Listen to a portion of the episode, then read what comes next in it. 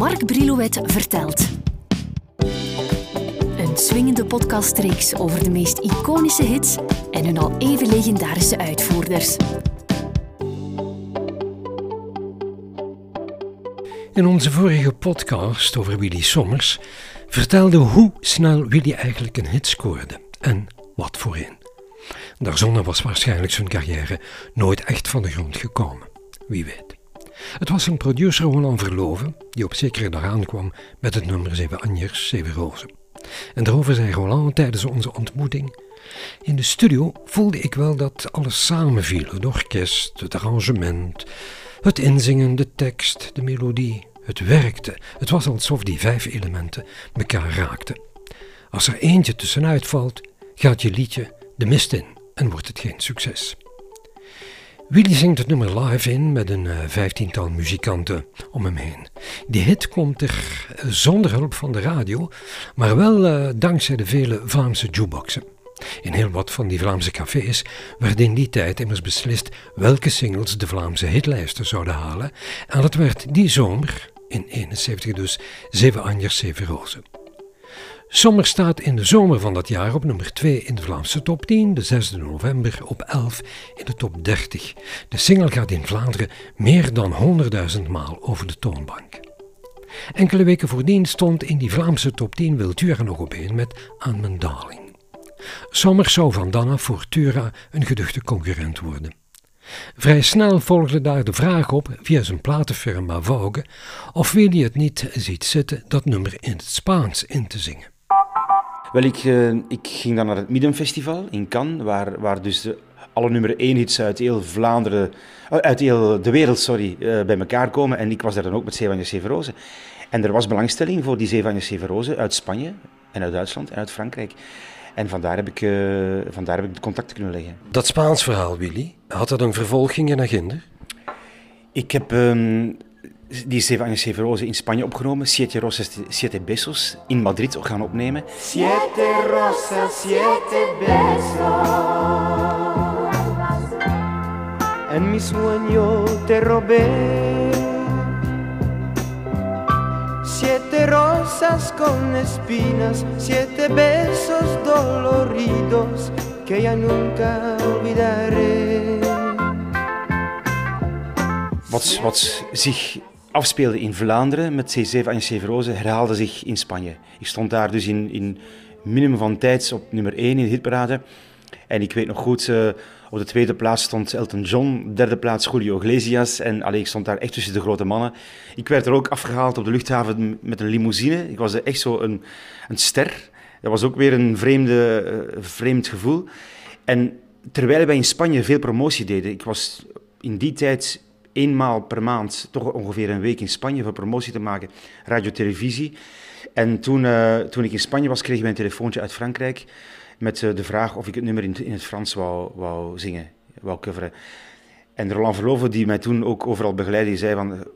Dat, dat, dat, kan niet meer, want we zitten in Vlaanderen al zo druk bezet, in Spanje nu ook al, in Duitsland had ik ook al uh, moeten gaan inzingen. En toen zei Roland, kijk, vraag iemand aan, aan van de artiesten van Vogue Frankrijk of zij het willen doen in het Frans. En toen heeft Crazy Horse het gedaan. Hebben zij 1.400.000 platen verkocht. Dus het is een grote gemiste kans. Une fleur rien qu'une rose que j'ai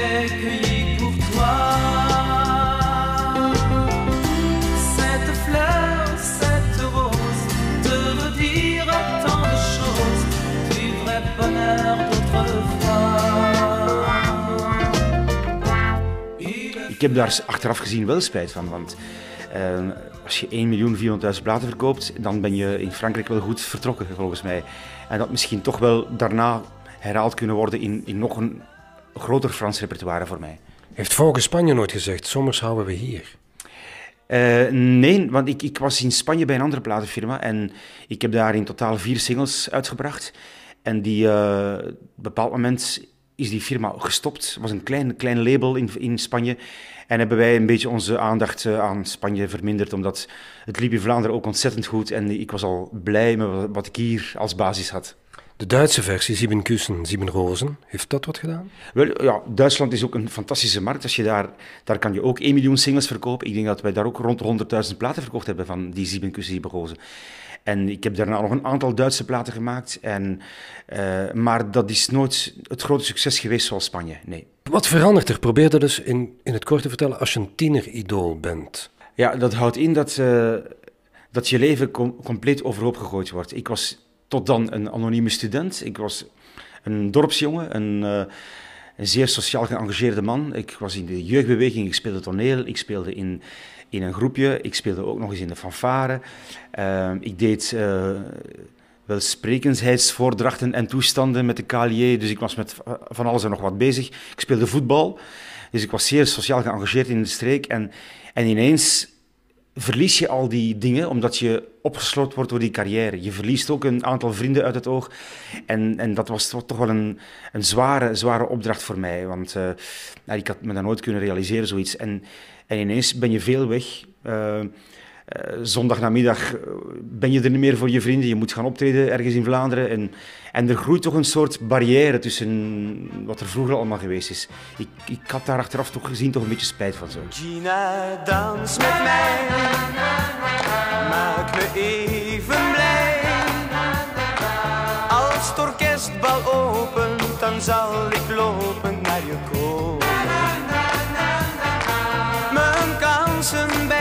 dansen zijn stijgen bij iedere pas. Oh Gina. Hoe ging dat met de studies? Heb je die dan moeten jammer genoeg afbreken? Ja, mijn tweedejarige in theater heb ik... Uh, ik was volop, volop in, in, in Spanje bezig al. Ik, uh, ik moest een, een, pak lessen missen. En ik weet nog heel goed, mijn, de lerares Duits, maandagmorgen, die zei me al van meet af aan van Willy, ga jij maar op de achterste bank zitten, rust maar een beetje uit, want ik was iedere keer op maandagmorgen kapot.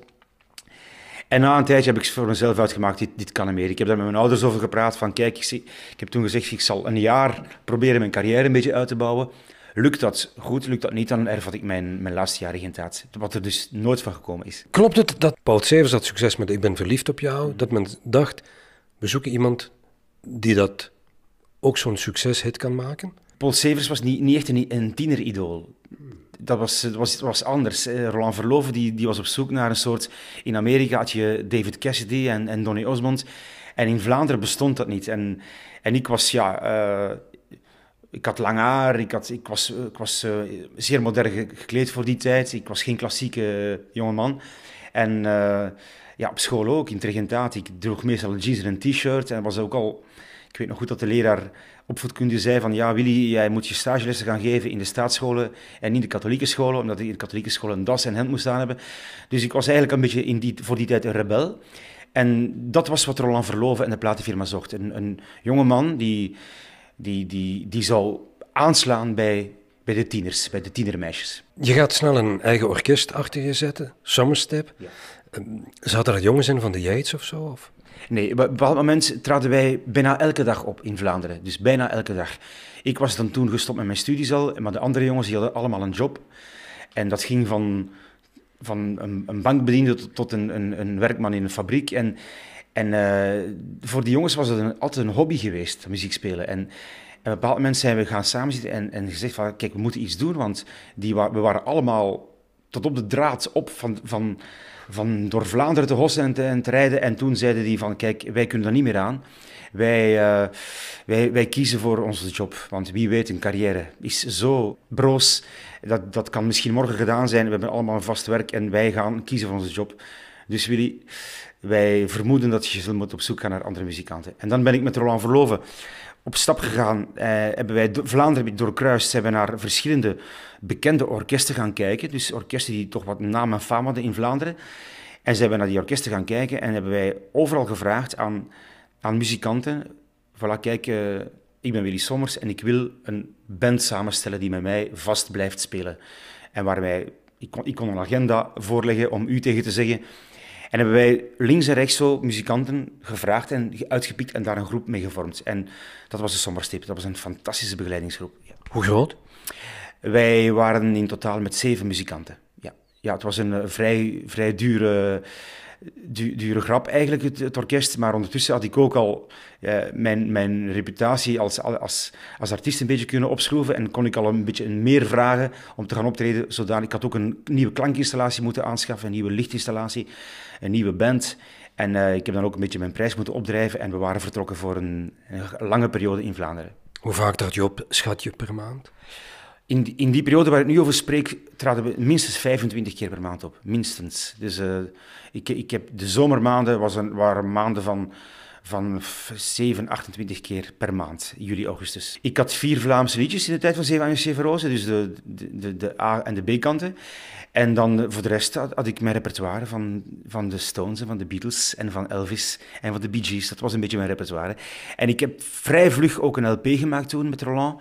Ehm, door het succes van Zeven Anjers, Zeven. Eh, eh, daardoor is er zeer snel een, een langspeelplaats gekomen. En ik had dan toch ineens twaalf liedjes. Hè. Dus had, ik kon een combinatie maken tussen mijn Vlaams repertoire en mijn Engelstalig repertoire. Donna, donna, prima donna van mijn hart. Zwarte ogen en een blik zo heel apart. Donna, donna, meisje, kijk me niet zo aan. De centen kwamen goed binnen, dat kan niet anders. Hè. Hoe spring je daarmee om? Zeg pa, oh, oh, oh, ik houd het wel in de gaten of moeder? Nee, ik, eh, ik, ik van, van, vanaf de eerste frank die ik verdiend heb, had ik een eigen bankrekening. En ik heb dat van thuis uit zo'n beetje meegekregen. Mijn vader was een autohandelaar en, en, en eh, ik weet goed dat mijn vader s'avonds thuis kwam van de garage en dat mijn moeder het eten klaarmaakte. Zaten wij samen aan tafel, mijn moeder, mijn vader, mijn zus en ik. En toen zei mijn vader, zo, "Wat, het is een, een slechte maand deze maand, er weinig verkocht. We gaan moeten een beetje sparen. En de maand nadien was het een goede maand in de verkoop, hadden, hadden we een, appeltje voor de dorst. En ik heb daar gezien en gevoeld van kleins af dat je, dat je moet zien wat je doet met geld en hoe je met geld moet omgaan. En toen ik begon te zingen, heeft mijn moeder en mijn vader gezegd van kijk Willy, dat is voor u. Jij, jij zingt, je hebt je eigen centjes, je eigen bankrekening, je mag dat voor je houden. En ik heb van in het begin een, een eigen spaarboek samengesteld, bankrekening, mijn betalingen gedaan, ook voor mijn orkest, voor mijn muzikanten, de overschrijving van de lonen.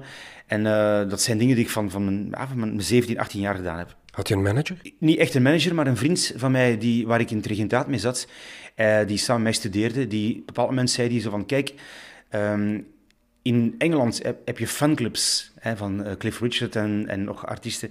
In België bestond dat niet. En, en die, die zei zo van, ik heb een idee, we gaan een fanclub maken rond jou. En Hoe heette die jongen? Pat Vermeers. Pat Vermeers is een West-Vlaming, maar die kwam dus studeren naar Brussel in het regentaat. Maar dat was niet een manager, dat was zo een soort van man die zei van ik stuur de posters op, de, de contracten, ik organiseer de fanclub, ik eh, organiseer een fandag. Maar wie jou, wie jou wilde hebben, wie belde die dan? Eh, die belde naar Pat Vermeers. Of naar, mijn- naar mijn ouders thuis, naar mijn moeder. Mijn moeder en, en Pat Vermeers deden dat zoals samen, de boekingen. Dus er was niet echt een boekingskantoor of een manager, dat bestond niet. Een fanclub van 12.000 leden. Maakt mij niet wijs dat Tura soms niet eens zei... "Mm-mm." Ja, de, mijn grootste concurrent in de beginperiode was Wil Dura uiteraard. Eh, Wil en ik stonden altijd vooraan in de hitparade. Ofwel stond hij op één, ofwel ik op één. Of hij op twee, of ik op twee. Dus het was een, een, een gezonde strijd. En wat ik apprecieer van Wil is ook dat, dat hij mij ook mijn carrière van in het begin gevolgd heeft. Want ik, ik voelde dat wel. Soms, soms, soms informeerde hij naar mij. Ik hoorde het dan vertellen van andere mensen. Ik wou ook in, ik zou zeggen niet in de clinch gaan met hem, maar mij ook meten in het succes tegen hem. En dat deed ik ook. En we hadden alle twee ons publiek. En eh, ik denk wel dat Wil vaak gevoeld heeft dat ik een zwaar concurrent voor hem was. Ja.